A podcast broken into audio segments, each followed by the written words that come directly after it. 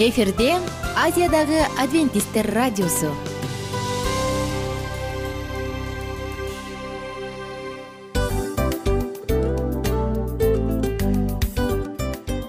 Достор салют. Баардык сүйүктүү угармандарыбызга салам айтабыз. Кутман күнүңүздөр менен. Ден соолук өмүрдүн булагы демекчи саламат саамы программасында баарыңыздарды көргөнүбүзгө абдан кубанычтабыз. Анда алгач амандашып өтөлү арбаңыздар деп. Ден соолугуңуздар кандай элибизде көбүнчө ден соолук кандай дегенде эле жакшы деп жооп беребиз э? ооруп турсак дагы жакшы дейбиз. Анан мен муну айтып ойлойт элем бул абдан сонун сөз депчи анткени бул жакшы деген үмүт да э ооба. баары жакшы болот баары сонун. Деп үмүттөнүп атып эле өзүбүздү өзүбүз дарылап коебуз.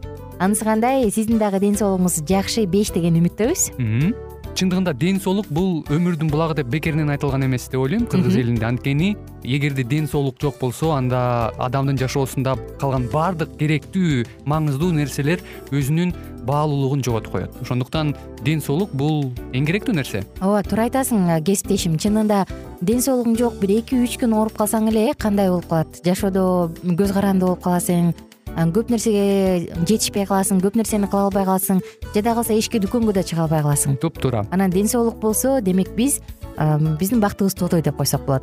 Анда достор саламат саамы рубрикабызды баштайлы. Алдыда өзүңүзгө керектүү болгон сонун кеңештерди уга аласыздар. Мына ошондуктан биз менен бирге болуңуздар. Ал эми биз болсо милан жана айнура. Кеттик алга. Алга саламат саама ден соолуктун жарчысы. Саламат саама ден соолуктун ачкычы. Күн сайын сиз үчүн мыкты кеңештер сонун жаңылыктар кызыктуу фактылар. Биздин рубрикада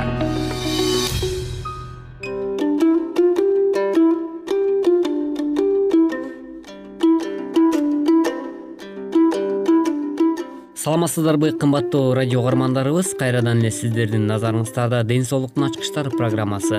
Бүгүнкү программабыздын чыгарылышында биз парафин менен кантип дарылануу керек? Дал ушул туурасында маегибизди улантмакчыбыз. Андыктан биздин ободон алыстабай биз менен биргеликте болуңуздар. Жана ошондой эле парафиндердин багыты жана таасири ыкма колдонуп жаткан дененин бөлүгүндө кан айланууну күчөтүү жана бул ыкманы колдонуу менен ысытуу дагы башка оң таасирин берет. Адамдын терисин ушалоого массажга даярдайт. Анткени анын териси жумшак жылма болуп жана колго жакшы баш ийет. Ошондой эле пайдалуу жактары артритке пайдалуу муун начар кыймылдап жатса тарамыштарды калыбына келтирүүдө муундарды чыгарып же чойдуруп алганда тарамыштарга суук тийгенде мурун күйгөндө калган тактардан арылтат. Теринин бир бөлүгүн алмаштырган болсо сөөк сыныктардан кийин пайдалуу. Ошондой эле терс жана сактануу жолдору. Бул ыкма колдоно турган жерде жаралар болсо зыян эгерде ыкманы колдоно турган адамдын шекер диабети болсо андан этият менен кылуу керек. Парафинди колдонуп жатканда идиштин түбүнө колдорун тийгизбеши керек. Колдорун күйгүзүп алышы мүмкүн. Ошондой эле парафиндин өзгөчөлүгү. Биринчиден парафин өзүнө ысыкты төмөн сактайт. Экинчи ысыкты төмөн деңгээлге өткөрөт. Ээрит жумшак аны кайрадан колдонууга мүмкүн. Жана дагы арзан келет ошондой эле керектелүүчү нерселер. Үйдө парафинди эритип аппликация камдоо үчүн алюминий идиш жана плитка керек. Экинчиси паравакс деген аталган парафин аралашмасы парафинди суу май менен аралаштыруу керек. Суу май кандай түрдө экенин айырмасы парафиндин суу майдан беш эсе көп кошулат. Суу майдын ысыгын өлчөө үчүн термометр боек кистиси теринин коргоо үчүн полиэтилен пленкасы дагы керек. Жана ошондой эле дарылануу ыкмасы.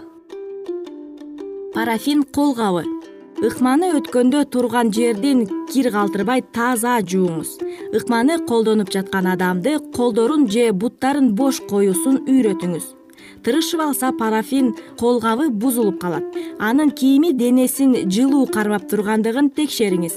Ыкманы колдонуп жаткан адамга ыңгайлуу экенин текшериңиз парафиндин ысыктыгы элүү үч градустан баштап элүү төрт градуска чейин ысыш керек. Ыкманы колдонуп жаткан жерин парафинге алтыдан он эки жолу салыңыз.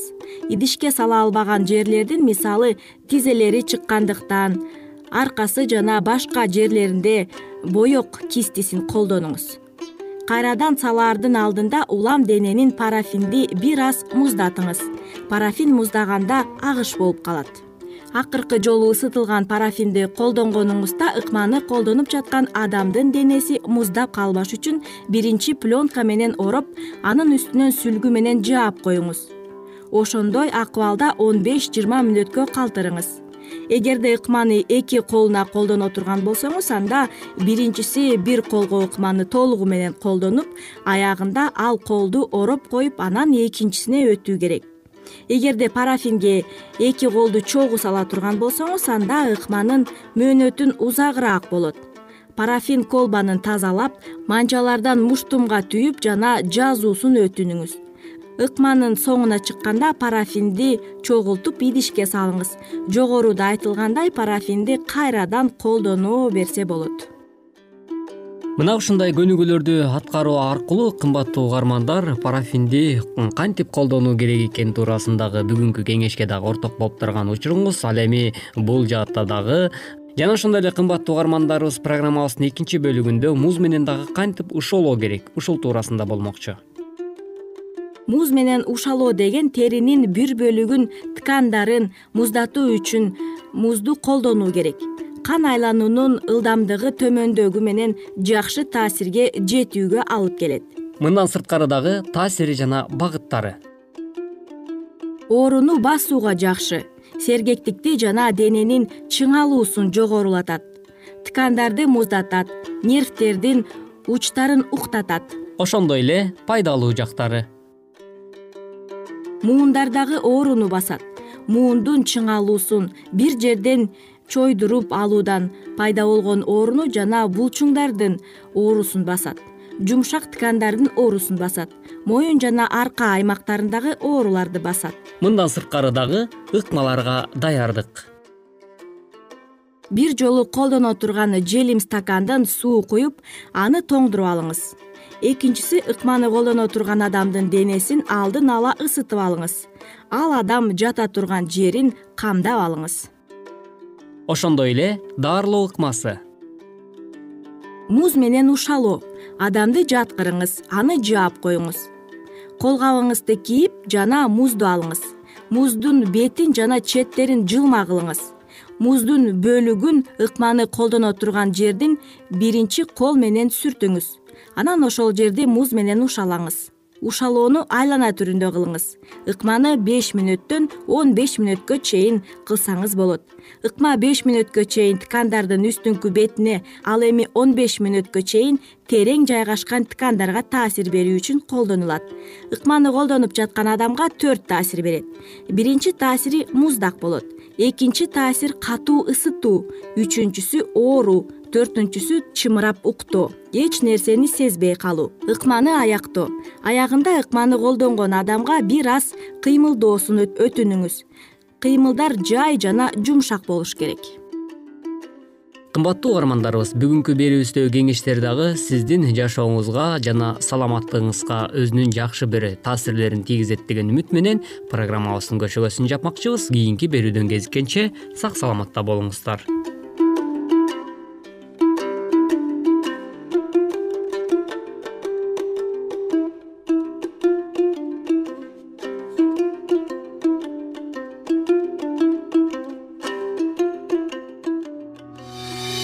саламат саама ден соолуктун жарчысы. Саламат саама ден соолуктун ачкычы. Күн сайын сиз үчүн мыкты кеңештер сонун жаңылыктар кызыктуу фактылар биздин рубрикада.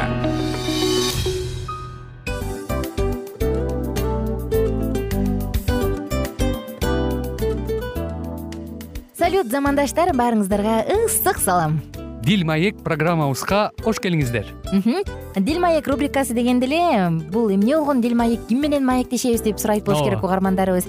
Бул рубриканы кыскача тааныштыра кетип турган болсок ар тарап кесип ээлеринен болгон сонун интервью кеңештер бар жылдыздар менен болгон маек бар аталарыбыздын агаларыбыздын чоң аталарыбыздан сонун кеңештер бар.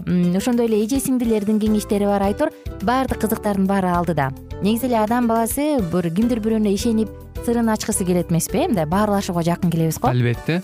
Негизи бир жерге отуруп алып кенен шашпай баягы жүрөктөн жүрөккө ачып сырларыбызды ар кандай көйгөйлөрүбүз менен бөлүшүп баягы чын жүрөктөн маек курганды кимибиз сүйбөйбүз э? Ооба десең ал нерсеге суусап да келебиз да? Ооба кээ бирде адамга чындыгында баягы э, ысык маек баягы жылуу маек жетишпейт да. Ошондуктан биз ушул рубриканы ойлоп тапканыбызда эң биринчи эле достор сиздер менен чын жүрөктөн бир маңыздуу темаларды козгоп кеткени э, кааладык. Ошондуктан ушундай сонун бир рубриканы тартуулап жатабыз анын үстүнө радио дагы сонун дос да. Анткени э, мындай учурда досуңа айтсаң досуң досуна айтат досу досуна айтат да анан бүт өлкө билип калышы мүмкүн го. А радио болсо сени сатпаган сенин айыбыңды ачпаган сенин сырыңды эч кимге айтпаган сонун дос. Мына ошондуктан биздин алдыдагы айта турган кеңештерибизди биздин досторубуздун кеңештерин угуп анан ал жака пикириңизди дагы калтырып кайрадан биз менен байланышсаңыздар болот деги эле жашооңузга эгерде кичине болсо дагы өзгөрүү алып моралдык жактан нравовалык жактан сонун бир кеңештерди алсаңыз демек биз максатыбызга жеттик. Ооба. Чыңгыз атабыз улуу жазуучу э, чыңгыз айтматов айткандай адам болуу бул күнүмдүк процесс экен. Күн сайын адам бойдон калуу бул адамзатка эң эле кыйын дейт э? э эң кыйын дейт. Чындыгында бунун негизинде адамдын эң баягы сапаттуулугу адамдын э, адамгерчилиги жана көптөгөн керектүү нерселер.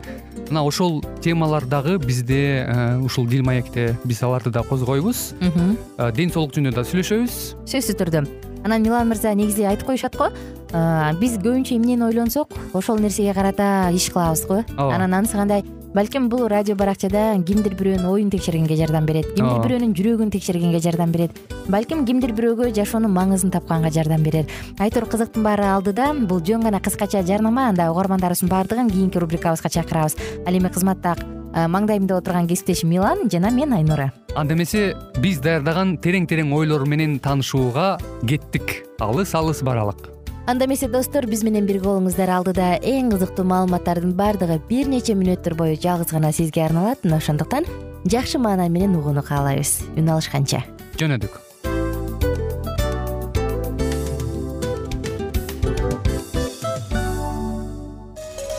Ар түрдүү ардактуу кесип ээлеринен алтын сөздөр жүрөк ачышкан сыр чачышкан сонун маек дил маек рубрикасында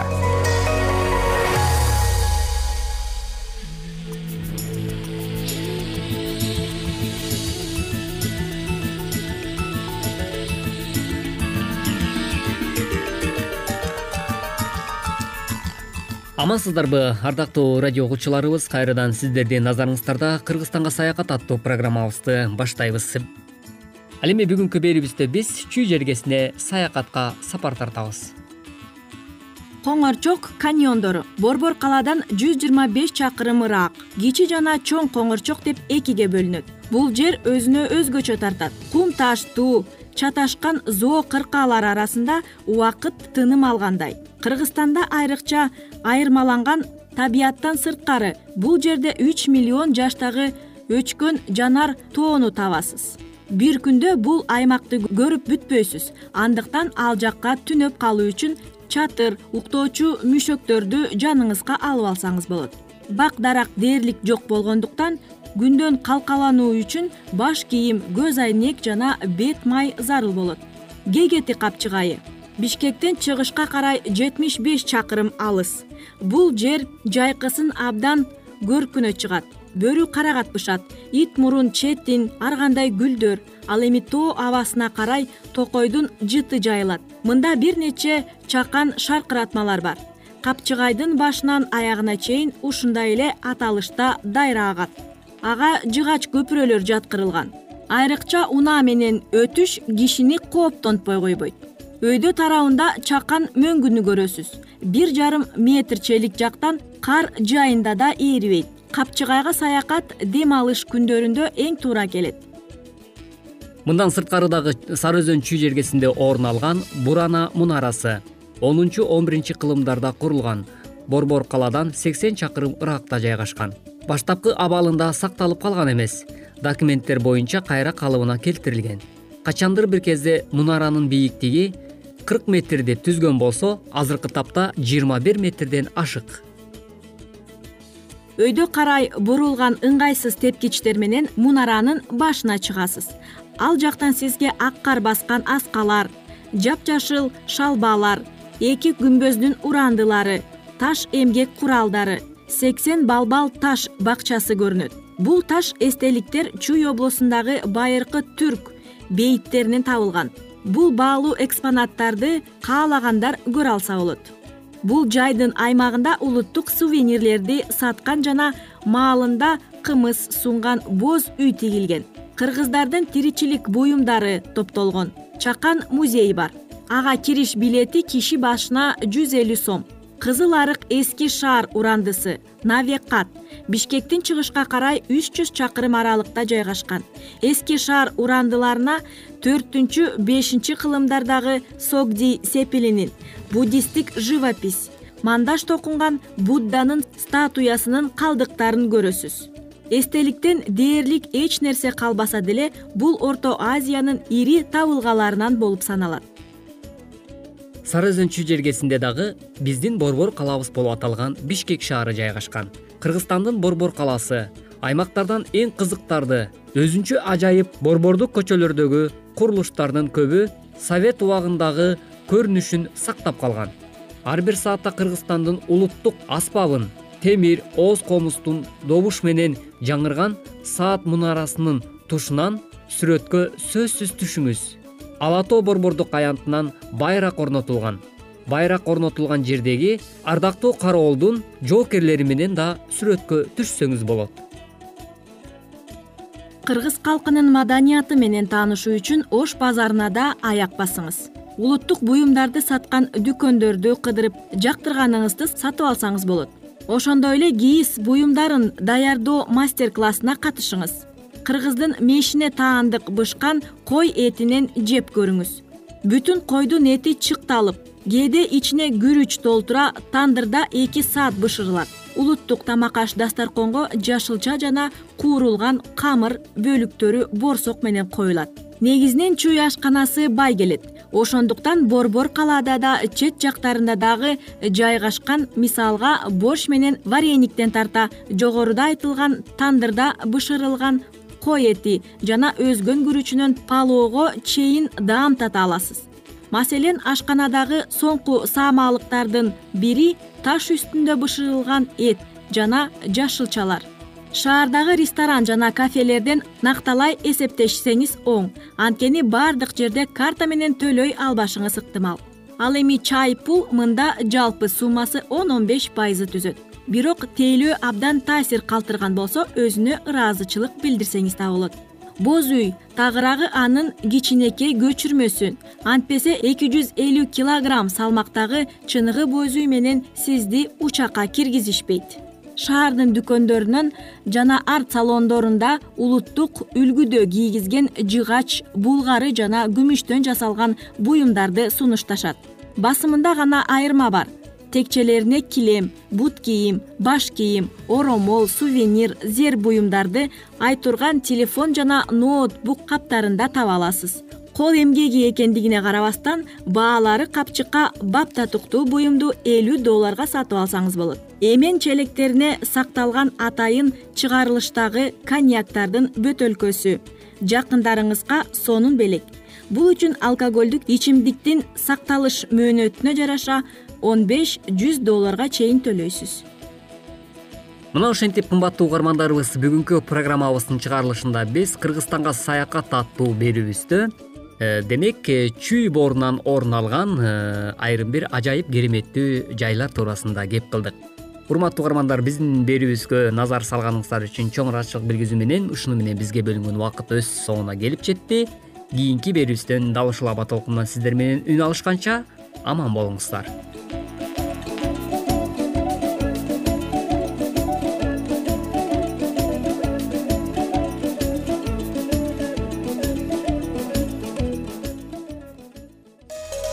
Ар түрдүү ардактуу кесип ээлеринен алтын сөздөр жүрөк ачышкан сыр чачышкан сонун маек дил маек рубрикасында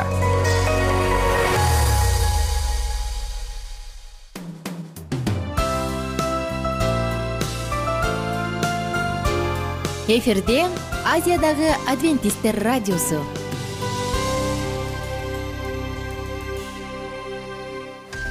Жан дүйнөңдү байыткан жүрөгүңдү азыктанткан жашооңо маңыз тартуулаган жан азык рубрикасы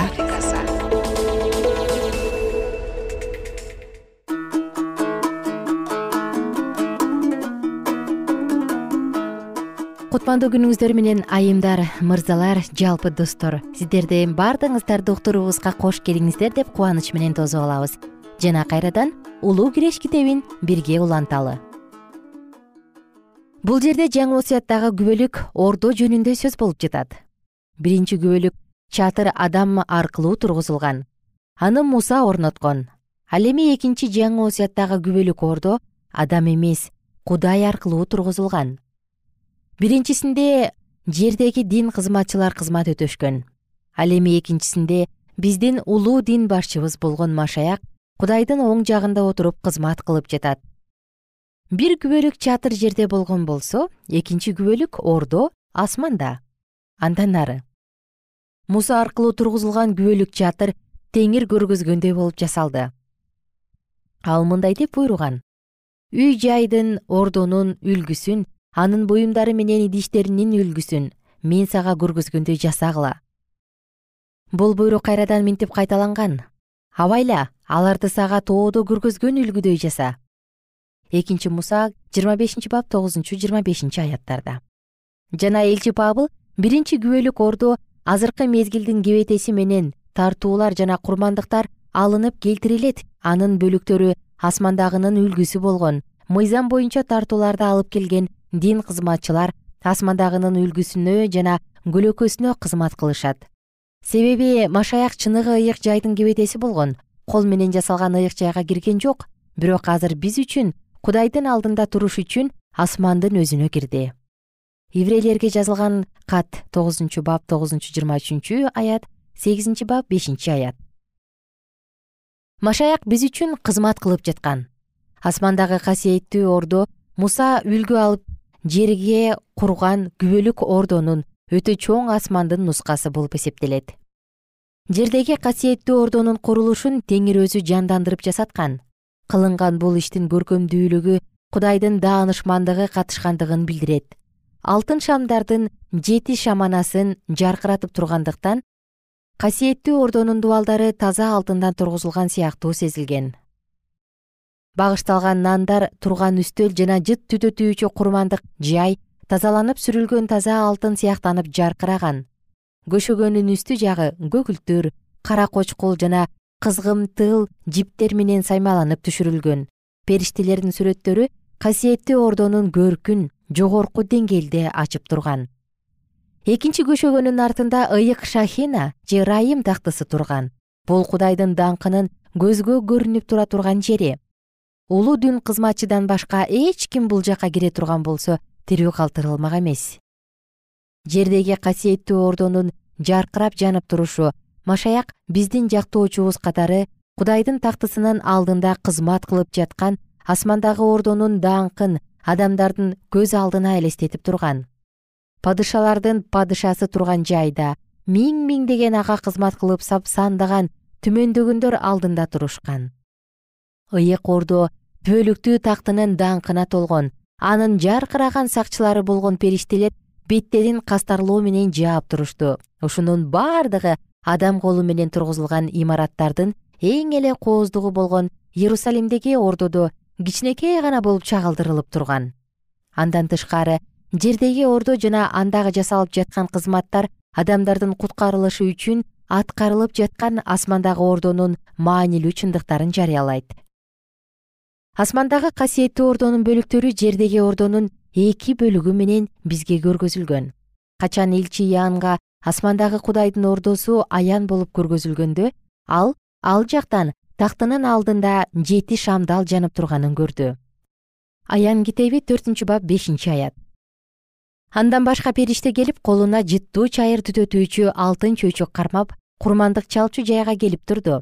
Ага көп жупар берилген аны ал бардык касиеттүүлөрдүн сыйынуулары менен тактын алдындагы алтын курмандык чала турган жердин үстүнө коюш керек эле.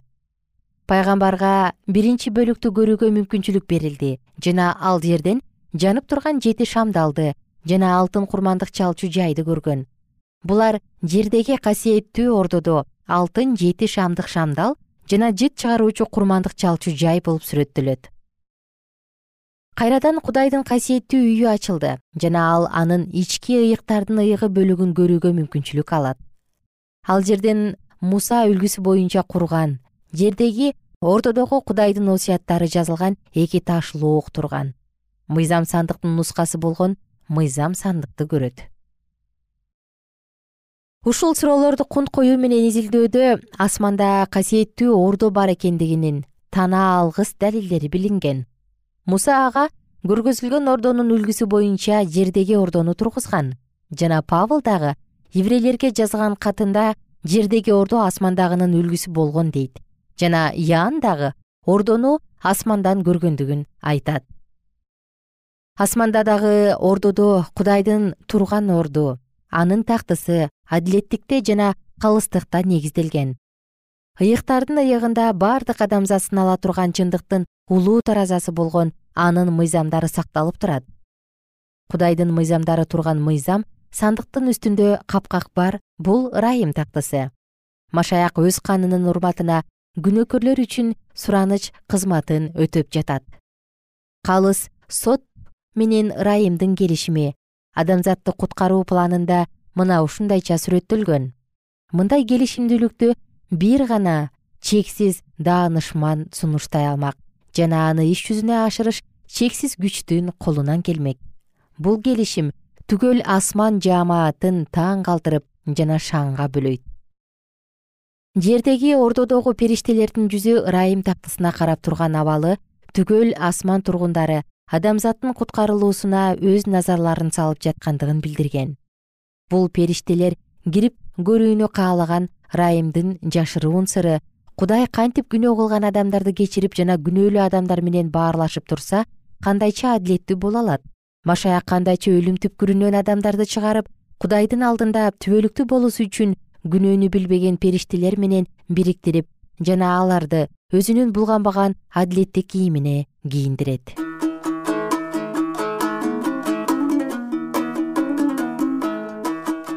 кымбаттуу досум сиздер менен бүгүн дагы улуу күрөш китебинен эң сонун үзүндү окуп өттүк.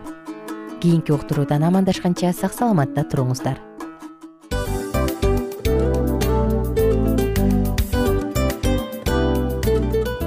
Ушул менен достор программабыздын уктуруубуздун эң кайгылуу мөөнөтүнө келип жеттик кайгылуу дегенде ыйлагым келип кетти кесиптеш. Кадимкидей. Анткени баягы учурашасың анан коштошуу учур келгенде ии кантип ии эми паспорттон келиптир э сагындырбай деп атып араң коштошобуз го анысы кандай угармандарыбыз менен коштошчу учур келди. Кийинки уктурууларды сагыныч менен жүрөгүбүздө кусалык менен күтөбүз жалпыңыздарды анан жарым сааттык уктуруу көз ачышым канча өтүп кетти сөзсүз.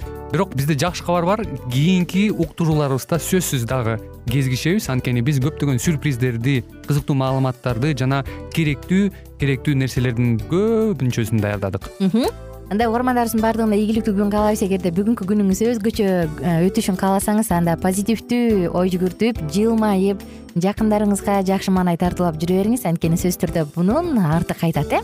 Сөзсүз. Баягы ден соолугуң оңолот ал бул деп көп нерсени санап келебиз. Эң негизгиси бул сиздин жашооңузду жаркын кыла түшөт экен жараткан кудай ар бирөөңүздөргө батасын берсин жашооңуз ийгиликтүү болсун сак саламатта калыңыздар деп мен милан жана кесиптешим айнура. Баардыгыңыздар менен кийинки уктурууда үн алышканча баарыңыздарга ийгилик каалайбыз